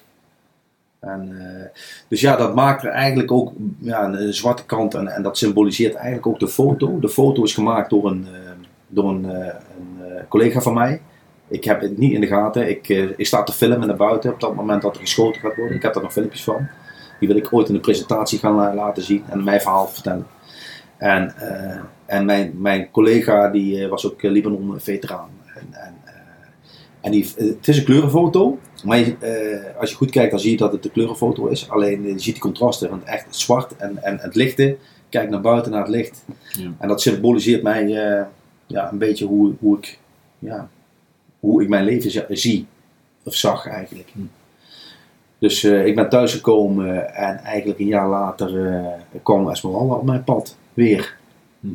Dus we waren tien jaar elkaar niet gezien en nu zijn we tot de dag van vandaag zijn we een gelukkig eh, samengesteld gezin. Ja. Dat is het verhaal. Ja, ja. Hij woont gewoon in Nijmegen. We wonen in Nijmegen, in de Dorpstraat. Ja. Ja, ja. Maar wat heb je zelf gedaan, Patrick? Eh, eh, kijk, het is natuurlijk het ultieme zelfleiderschap. Als je eruit komt, Ja. Kijk, het, het verhaal is natuurlijk, ja, ik vind het heel inspirerend. Ik heb er ook beeld bij, want ik, ik ken de geur hè, waar je over praat. Ja, ja. De rook in Ja. Bosnië. Ja. Ik, ik ruik het nu weer. Ja, De kacheltjes aangaan. Ja. Ik, en, en, ik bedoel, en in Afghanistan zit er ook een beetje andere geur tussendoor. Ja, correct. Mensen zullen het herkennen, weet je wel. Ja. En, en, eh, eh, kijk, maar in jouw kop is natuurlijk een hoop gebeurd. Heel veel. Kijk, en er zit natuurlijk een toffe kerel tegenover me. Dankjewel. En, eh, Wederzijds. ja, dus, en, en, en, maar wat is dan jouw, wat, zijn de stappen die je hebt genomen en, en hoe ben je die jongen geworden die je eigenlijk altijd al was, Ja. maar zichzelf heeft leren kennen? Nou, wat, wat, eh, wat ik al zei, hè, dat heeft ook te maken met je hoogsensitiviteit, eh, hoe je je voelt. Het heeft ook te maken met stofjes in je lichaam, stress, zeg maar. Ehm, ehm, ja, daar moet, ik, daar moet ik wel heel eerlijk in zijn. Dan moet ik, ik ben ook open in, in, mijn boek. Wat, wat is er met mij gebeurd? Ik heb, eh, het was onduidelijk wat er met mij aan de hand was. Al die prikkels, hè, begonnen er straks over, kwamen binnen. Dat doet iets met je lichaam. Toen ik op een gegeven moment eh, uitviel, dus thuis kwam te zitten, want dat vind ik wel hele belangrijk om te benoemen. Dat is eigenlijk ook mijn missie. Is dat eh, mijn je, je lichaam en je geest, of in ieder geval je brein, functioneert heel vreemd. Als, als jouw lichaam niet, jouw lichaam en jouw geest natuurlijk ook, maar jouw lichaam niet in balans is. Dus je maakt of te weinig of te veel stoffen aan die niet in balans zijn, dan kan je heel raar gaan functioneren. Nou, wat heb ik gedaan? En dat is mijn eigen conclusie. eh, is dat ik eigenlijk altijd onnodige, of onnodige, eh, altijd onder stress heb geleefd. Altijd. En prikkels zoeken. Prikkels m- maken stoffen aan. Nou, dat is mijn, eh, mijn geval is dat overmatig en veel te lang gebeurd. Toen ben ik gaan lezen. Dus wat, wat, wat gebeurt er dan? Of, je komt van de een op het andere moment kom ik thuis te zitten. Nou, mijn baas wil weten wat is er met jou aan de hand.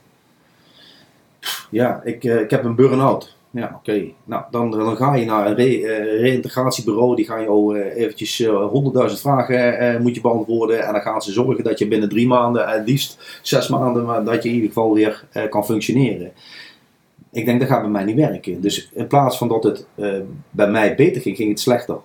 Toen ben ik gaan kijken eh, en eigenlijk Esmeralda is degene geweest. Maar ging het slechter omdat je dan die prikkels niet meer had? Of? Nee, het ging, het ging slechter dan mijn lichaam eh, op was. Dus eh, ik weet niet of jij weet wat de definitie van een burn-out is. Maar we zeggen het emmertje is vol. Dus wat, wat gebeurt er dan? Dan ga je, en dat vind ik heel belangrijk om te vertellen, dan ga je naar een reïntegratiebureau. Daar, heb je, eh, daar zitten psychologen, psychiaters. eh, nou, ik ging daar naartoe. Ik denk, weet je Pet, ik voel me nou zo slecht. Ik gooi alles nu voor once and for all op die tafel. En eh, ik wil nu echt geholpen worden. Ego aan de kant. Eh, ik ga niet meer stoer doen. Ik ga gewoon zeggen waar ik last van heb. Heb ik gedaan. En twee weken later belt de psycholoog mij op. En die zegt van ja, ik, wij kunnen jou niet helpen kerel. Want eh, wij denken dat jij naar het GGZ moet. Wij denken dat jij een bipolaire stoornis hebt. Dus ik denk, god, ik, ben, ik, ben ik gek? En zo voel ik me ook. Ik ben jankend naar huis gegaan. Ik heb tegen Esmeralda gezegd van, joh, ik eh, ben niet goed, joh. Ik, eh, ja, ben manisch depressief of ik, eh, iets is niet goed. Nou, toen heb ik de, echt in een, in, een, in een spagaat zat ik. Voor twee dingen doen. Ik ben, eh, op een gegeven moment kwam Esmeralda trouwens met een boek van Elaine Aron. Dat benoem ik ook in mijn boek. En zij omschrijft eigenlijk eh, wat, hoog, eh, hoogsensitiviteit is. Ik ben gaan lezen. Ik zat in een zwarte tunnel. Echt pik en pik en pik zwart. Ik ben op enig moment ben ik, eh, eh, ben ik, eh, ik ging ook naar een psycholoog inmiddels. die gewoon een afgestudeerd eh, psycholoog. Die maar wel weet wat hoogsensitief, hoogsensitiviteit is. En die zegt, Pet, ik moet in beweging komen. Nou, en als ik in beweging kom, dan kom ik ook in beweging. Dan loop ik niet een kilometer, nee, dan loop ik 25. Dus ik ben, eh, na die sessie ben ik op een gegeven moment gaan, eh, gaan eh, lopen. Ben ik naar Groesbeek gelopen. Ik denk, hier kom ik nooit meer, want ik, ik, ben- het is einde oefening voor mij. Het is klaar, ik kom er niet meer uit, het is klaar. En toen ben ik, schrijf ik ook over, kom ik, eh, dat heeft voor mij een hele, hele bijzondere plek. Is de begraafplaats. Dat kan niet. Ja, Ja. daar kom ik regelmatig. Ik heb daar een graf stiekem geadopteerd in mijn hoofd, samen met mijn zoon. Eh, een 23-jarige militair, Canadese militair, Yannicki heet hij. Mijn zoon heet Yannick. Dus ik heb daar nog een paar stenen uit Afghanistan neergelegd en zo. En ik kom daar begraafplaats op. Ik, zwaar depressief. Het regende, het hagelde. Het, eh, ik was op. Ik liep op een gegeven moment eh, liep ik daar weg. Ik liep langs de Stekkenberg, jou wel bekend, mijn wijk. Met Cruis. Ja, net Kruis. Tien is aan de rekstok. Ja. En ik loop daar het bos in en eh, ik loop op een gegeven moment langs het spoor. En ik hoor een trein aankomen. En daar een jaar daarvoor had ik daar een vrouw, eh, nou ja, die is er voor het gesprongen. En, ja, en ik denk, ja, dit is hem. En dan zie je ook eh, bordjes eh, van, van het GGZ, pro persona. Ik denk, ja joh, nog even pet, het is klaar met jou vriend. Nou, paniek ben ik naar huis gegaan. En, Maar je wilde voor de trein. nou, ik, ik, ik wilde niet voor de trein springen. Maar ik moest wel denken aan, aan eh, de mensen die zelfmoord hebben gepleegd op dat spoor ook. Dat ik ze nu wel meer begreep. En moest je ook denken aan toen je zelf met het- dat Ja. pistool... Ja, tuurlijk. Ja, ik denk als dit nog langer gaat duren, dan ga ik het gewoon niet redden. Dan, ga, dan kom ik er niet uit. Dat gaat niet lukken. Dus, ehm, maar ik moest nog wel bekeken worden. Wat was er nou met mij aan de hand? Nou, eh, GGZ, ja. Nou, weet je, eh, er waren al collega's die via, via, via mijn stempel hadden gegeven dat ik PDSS had. Logisch, er waren vast wel eh, overeenkomsten, maar... Nou, ik sliep slecht, hè. dat vertelde ik je ook, nachtmerries. En ik nou, laat ik eerst een slaaponderzoek doen. Uiteindelijk wordt het wel één verhaal, hoor. Ja, nee. En eh, dus ik, liet ik ging naar het ziekenhuis en ik had het boek gelezen van Elaine Aron Mhm. over hoogsensitiviteit. Ehm, eh, ik had slaaponderzoek gehad en inderdaad, ik ging terug voor de, bij de neuroloog voor, voor, de, voor de uitslag. En ja, zei ze, ik zie dat jij een, eh, een, een, een verstoorde slaapritme hebt. Ja, dat heb ik heel mijn leven al. Dus dat, eh, ik zei, en nu? Ja, dan gaan we iets van, misschien iets van slaaptherapie doen of zo. Ik, zei, ik had het boek meegenomen, vol met ezelsoren van dit ben ik, dit ben ik, dit ben ik, dit ben ik. Ik zeg, ja, heeft u wel eens gehoord over hoogsensitiviteit? Dus ik keek me aan zo. Nee, weg. Denk, maar dat is, hallo, hallo, Dit, eh, dit, dit, dit, dit, dit is het. Nou, toen kwam ik dus bij twee bedrijfsartsen. Twee, twee vrouwen, twee ontzettende lieve vrouwen die mij echt wel wilden helpen, merkte ik. Ik heb weet u wat hoogsensitiviteit is? Ja, dat is een trend, een beetje ADHD-achtig, eh, maar het verschil tussen, tussen hoogsensitiviteit eh, is een persoonlijkheidskenmerk en ADHD bijvoorbeeld, of PTSS, dat is een stoornis. Een stoornis staat bedoeld in een boek. En dat boek heet DSM-5. Dat zijn disorders, mental disorders staan erin bedoeld. Dat is een rode draad eigenlijk voor psychologen en psychiaters. Dus ik denk nou, als, als, als ik dat heb, of, hè, ik, ik, of ik heb PTSS, vind, vind, is oké, weet je wel. Maar ik kreeg geen antwoord. Dus ik werd niet geholpen. Zo voelde het voor mij. En dat was het begin. Dus ben ik gaan kijken wat, eh, eh, wat bijvoorbeeld je lichaam doet met overmatig stress. Dus ik ben zelf gaan dokteren. Ik ben zelf gaan lezen. Ik nou, als jij inderdaad eh, heel veel eh, cortisol aanmaakt, en, eh, dan, dan, dan is het uiteindelijk gewoon schadelijk voor, voor jezelf. Nou, eh, en, en, en wat gebeurt er dan? Nou, al die klachten gekeken. Denk ik, oh, dat heb ik, dat heb ik, dat heb ik. Eh, uiteindelijk kwam ik erachter dat eh, je, ons lichaam maakt neuro, neurotransmitters. Of die, in ieder geval, die maakt serotonine aan. Dat zijn neurotransmitters. Die zorgen, dat is gelukshormoon, dat je in balans bent. Ik denk, wacht even, als, als dat nou bij mij goed zou werken, dan, dan zou ik misschien minder klachten hebben. Dus denk, nou, Het, het gelukshormoon. het gelukshormoon. Ja, want ik zag al die negatieve uitwerkingen, die zag ik ook bij mijzelf terug. Mhm. Minderwaardigheidscomplex, gevoel, eh, nou ja, et cetera. Daar heb ik een studie van gemaakt. En dat staat ook in mijn boek. eh, hoe ik het zelf heb, heb onderzocht. Als, als niet zijn een arts, hè, maar, maar gewoon puur mijn gevoel eh, gevolgd. En toen kwam ik bij mijn huisarts terecht. Nou, eh, ook hij, hoogsensitiviteit, nee. Eh, ja, dat, dat, dat, ja, daar leren zij niet voor. Want het is een persoonlijkheidskenmerk. Hm. En zij leren alleen stoornis herkennen. Dus ik, eh, hij zei, we kunnen twee dingen doen. Hij zei, ik kan je doorsturen naar, eh, naar het GGZ. Hij zei, maar dat wordt een heel lang traject. We gaan, gaan ze Patrick helemaal afbreken. Helemaal af- en opnieuw opbouwen. Mhm. Hij zegt, "Gera- garantie tot aan de voordeur. Poeh. Ik zei, helemaal geen afscheid nemen van, van Patrick eigenlijk. Want ik heb ook wel goede dingen, dacht ik. Maar ja, ik ben niet in balans, dat klopt. Hij zei, of ik ga medicatie voorschrijven. Nou, ik heb om persoonlijke redenen eh, heb ik daar niks mee met medicatie. Ik denk, ja, maar goed, zo doorleven heeft geen zin. Maar eh, niet geschoten is altijd mis. Nou, en dan kom je, eh, dus ik heb uiteindelijk ben ik met mijn schaamrood op mijn kaken naar de apotheek gegaan. Hij had me- medicatie uitgeschreven, Mm. antidepressiva, dus waar die serotonine in zit, Ja. minimaal. Eh, en ik, toevallig wist ik ook wat een collega van mij, en die staat, het Heim, Heim is ook zijn echte naam, Mm. eh, die, heeft, die heeft ook eh, training gegeven, arrestatieteams en hij is sportdocent bij, eh, bij, eh, bij de politie. En die zegt, Patrick, schaam je er niet voor. Eh, bij mij, ik, ik heb het ook eh, toen gedaan, het heeft mij echt zoveel gegeven, meer gegeven. Schaam je er dus niet voor. Hm. En dat is wat mijn huisarts ook zei. Ja, je kan je verschamen. Hij zegt, maar je, kun- hij zegt, als jij een eh, te laag of te hoog suikerspiegel hebt en je hebt er geen medicatie voor, dan ga je uiteindelijk ook dood. Ja. Dus ik had geen keuze. Dus ik had altijd een keuze, maar ik heb daarvoor gekozen. Nou, dat was zes weken afzien. Ik ben gaan slikken, minimaal. En ik zou je vertellen, eh, ik, ik, ik werd een totaal ander, ander mens. joh. Ik, eh, ik, ik functioneerde zoals ik eigenlijk altijd had moeten functioneren. Ik liep niet vast. Het ging allemaal vanzelf, joh. Ik, eh, vanaf die tijd, ik noemde mezelf Patrick 2.0 geworden. Alleen, je moet wel.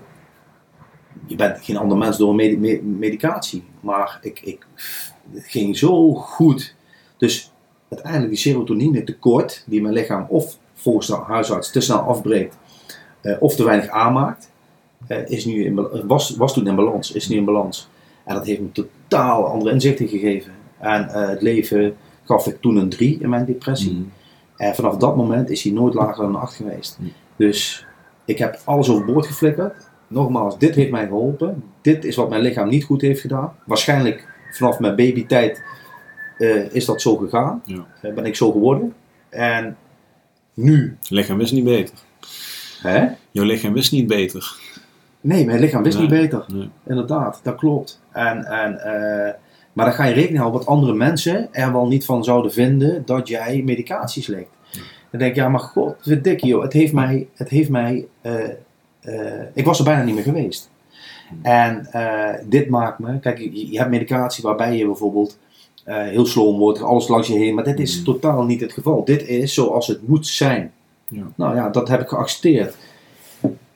En ja, ja het, heeft, het heeft ertoe geleid dat ik nu een boek eh, eh, heb geschreven Ja. en wil voorkomen dat mensen hetzelfde lijdensweg bewandelen, onbewust, onwetend, zoals ik heb gedaan.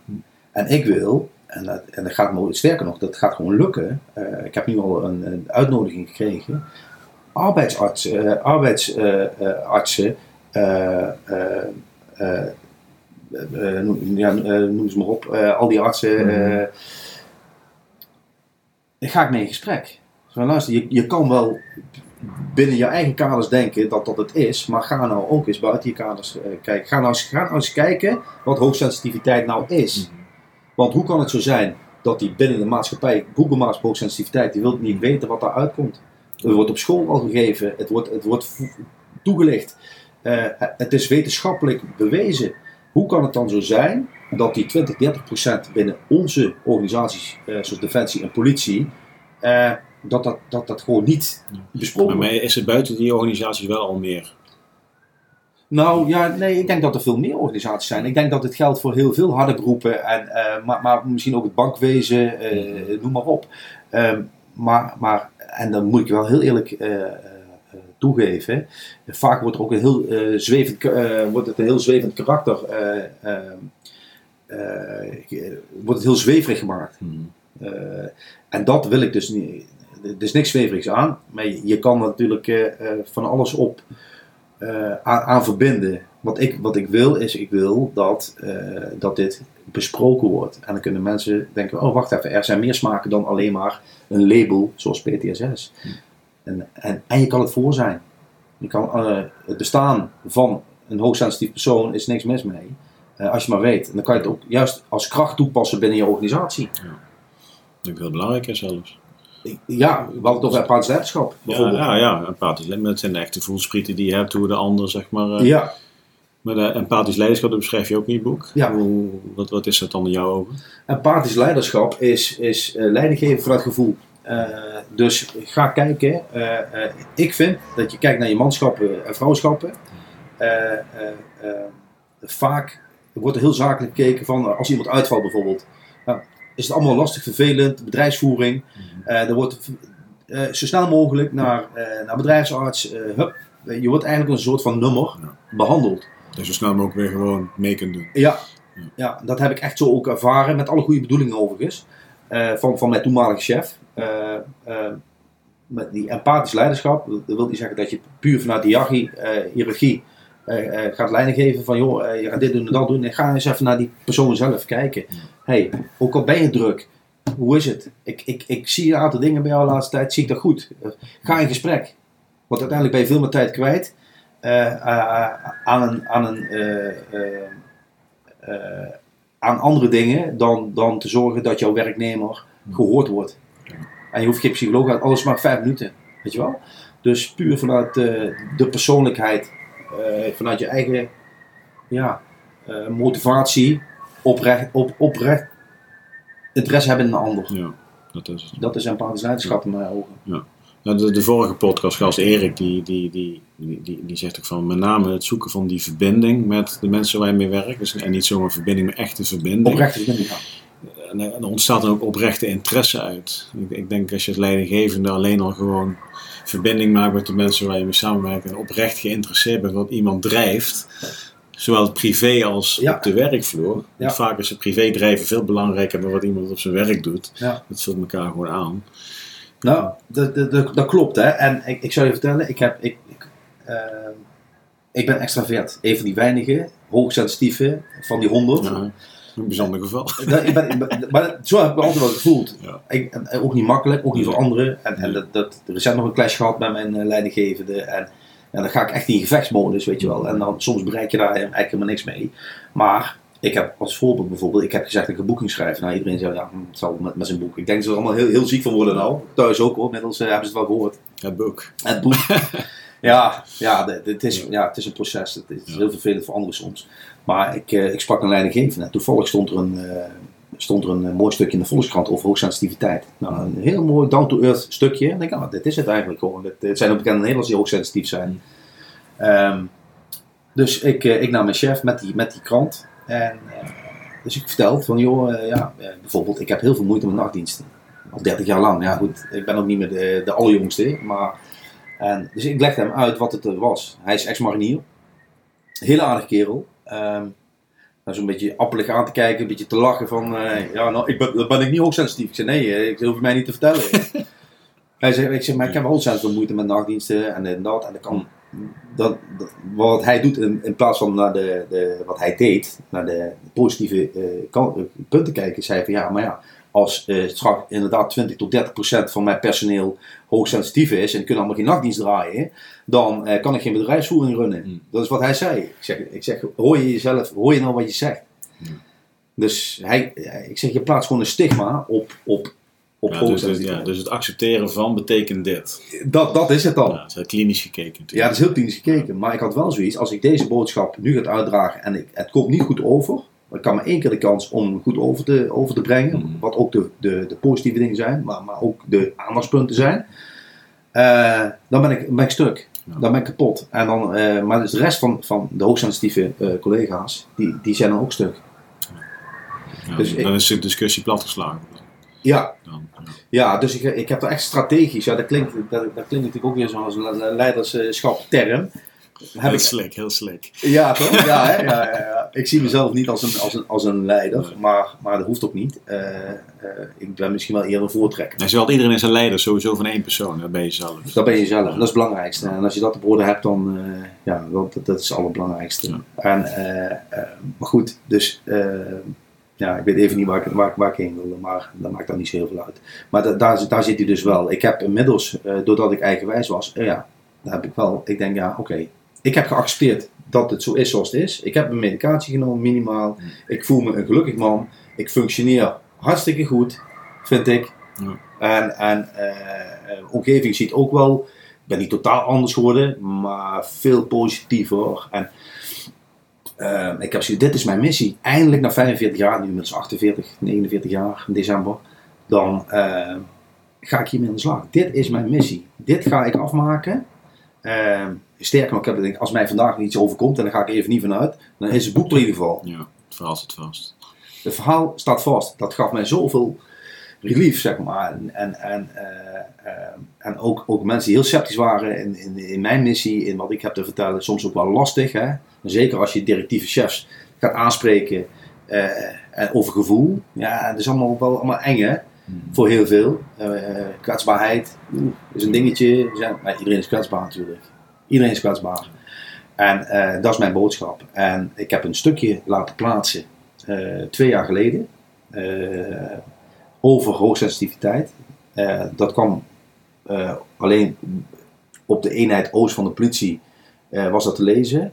En dat waren ik kreeg zoveel reacties uit heel Nederland, van, van studenten van de politie tot aan leidinggevenden. Die, en mensen die al in een, in een traject zaten waarbij chef zei van, ja, jij bent moeilijk, eh, we kunnen niks met jou, je past hier niet. eh.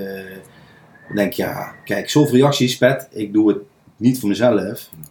En ook niet voor die ene collega die het helemaal niet meer ziet zitten, die een einde aan zijn leven maakt. Eh, want die zijn er ook. En eh, daarom doneer ik ook aan Stichting 113, eh suïcidepreventie.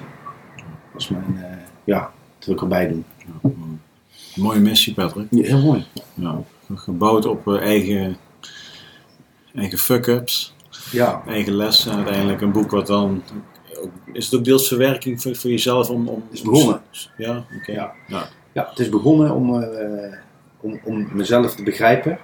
En, en eh, uiteindelijk ja, als ik dit voor mezelf ga houden, dan, dan zou het egoïstisch zijn. En ongetwijfeld zullen mensen niks meer hebben. maar ik, ik moet je heel eerlijk zeggen, Peter van Uhm heeft hem ook gelezen. Eh, hij zet zijn eh, nawoorden in het, eh, in het boek. Ja, het is echt, echt geweldig wat hij, wat hij schrijft. Hij heeft hem in één avond uitgelezen. En volgens mij is hij ook wel een persoon die zegt van nou, ik, ik kan me daar niet aan conformeren. Ja. Dat zou hij zeker doen. Dus ja, prachtig mooie missie. Ja. Voor anderen. Ja, Dankjewel man. dankjewel. Hebben we iets nog niet gezegd? Hè? Hebben we iets nog niet gezegd? Wat je graag toch nog wil. Nou, ik, ik- heb, want ik heb het boek gelezen. Ja, Ik heb hem ook in één keer uitgelezen. oh serieus? Ja, ja. Dus, dus, als, dus het is geen toeval dat ook van hem hem in één keer heeft uitgelezen. Ja. Eh, ik heb hem echt in één keer uitgelezen. En, Zo. eh, eh, ik, ik vond echt gewoon de... ja, het is een, we hadden het voor het gesprek ook al een beetje over. We, we hebben een aantal dingen die lopen... We hebben het dezelfde school gezeten. MDS. Ja. De tuinhandelsschool. Het, het Wit Goffertpark. Ja. Jij zes maanden, ik drie maanden. Dus ik heb gewonnen. Hetzelfde ziekenhuis geboren, eh, aantal natuurlijk gebieden, Bosnië, Afghanistan gebeurd. Ja. Hoe je dat dan beschrijft in combinatie met, eh, met je persoonskenmerk. Dus, dus- Persoonlijkheidskenmerk. persoonlijkheidskenmerk. En, en hoe je dat dan ook nou vertaalt naar een soort van missie, is gewoon fantastisch mooi. Dus daar mag je echt trots op zijn. Ja, ja, ik ben echt eh, nou trots, eh, bescheiden trots. Eh, een, mijn korpschef die, die heeft een voorwoord geschreven. Die zei Mhm. van Patrick, ben je trots op jezelf? Ik zei nee, ook, ook, het was ego. Van, nee, ja, ja, nee, maar dat, daar ben ik helemaal niet mee bezig. Maar ik, ik durf nu echt wel te zeggen dat ik wel trots ben op wat het tot nu toe mij heeft opgeleverd. Maar, maar ook zie andere mensen die het boek al hebben gelezen, zeg maar. Ja, hoe, hoe warm de reacties zijn. En ja, ik ben gewoon een heel gelukkig man. Ja, Ja, ja. Maar daar mag je trots op zijn. en daar ben ik trots op. Dat bedoel ik ook. hè? Ja, ja, ja, Ja, de- de- dus dat, je van een klok tegen je hoofd bij wijze van spreken eh, dit, dit nu doet, ja. dat is natuurlijk fantastisch mooi. En vriend met je zoontje. Dat is toch een- En vriend met mijn zoon. En, en eh, heel eerlijk nog, hè, want ik, eh, eh, en, en dat, ja, dat, daar schrijf ik ook over. De, eh, de vader van, eh, van Esmeralda, die werkte bij de gemeentepolitie eh, in Nijmegen. Die man die heb ik nooit, eh, nooit gekend. Esmeralda eigenlijk ook niet. Eh, nou, toen zij vier was, eh, toen heeft hij met zijn dienstwapen heeft wel de keuze gemaakt om zichzelf in het leven te beroven. En op een of andere manier is die man er niet, heb ik daar wel een klik mee. Ik weet niet wat dat is. En eh, ja, misschien doe ik het ook wel voor hem. Mooi. Dank u wel man. Dank je. Leuk dat je er was. Ja, zeker leuk. Ja. We gaan een boek weggeven.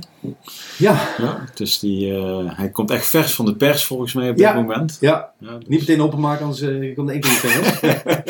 Nee, ik heb wel twee weken vertragingstijd. Hè. Dus, dus, dus, dus, ehm, eh, ik ga wat linkjes ook in de podcast zelf plaatsen. Oké. Van, ook van, van, je, van je boek. Spotify-lijst. Denk ik ook heel mooi dat die meteen erbij zit. En, en een link als mensen het boek graag willen bestellen, kan altijd. Een deel gaat naar het goede doel. Ja. 113. Ja.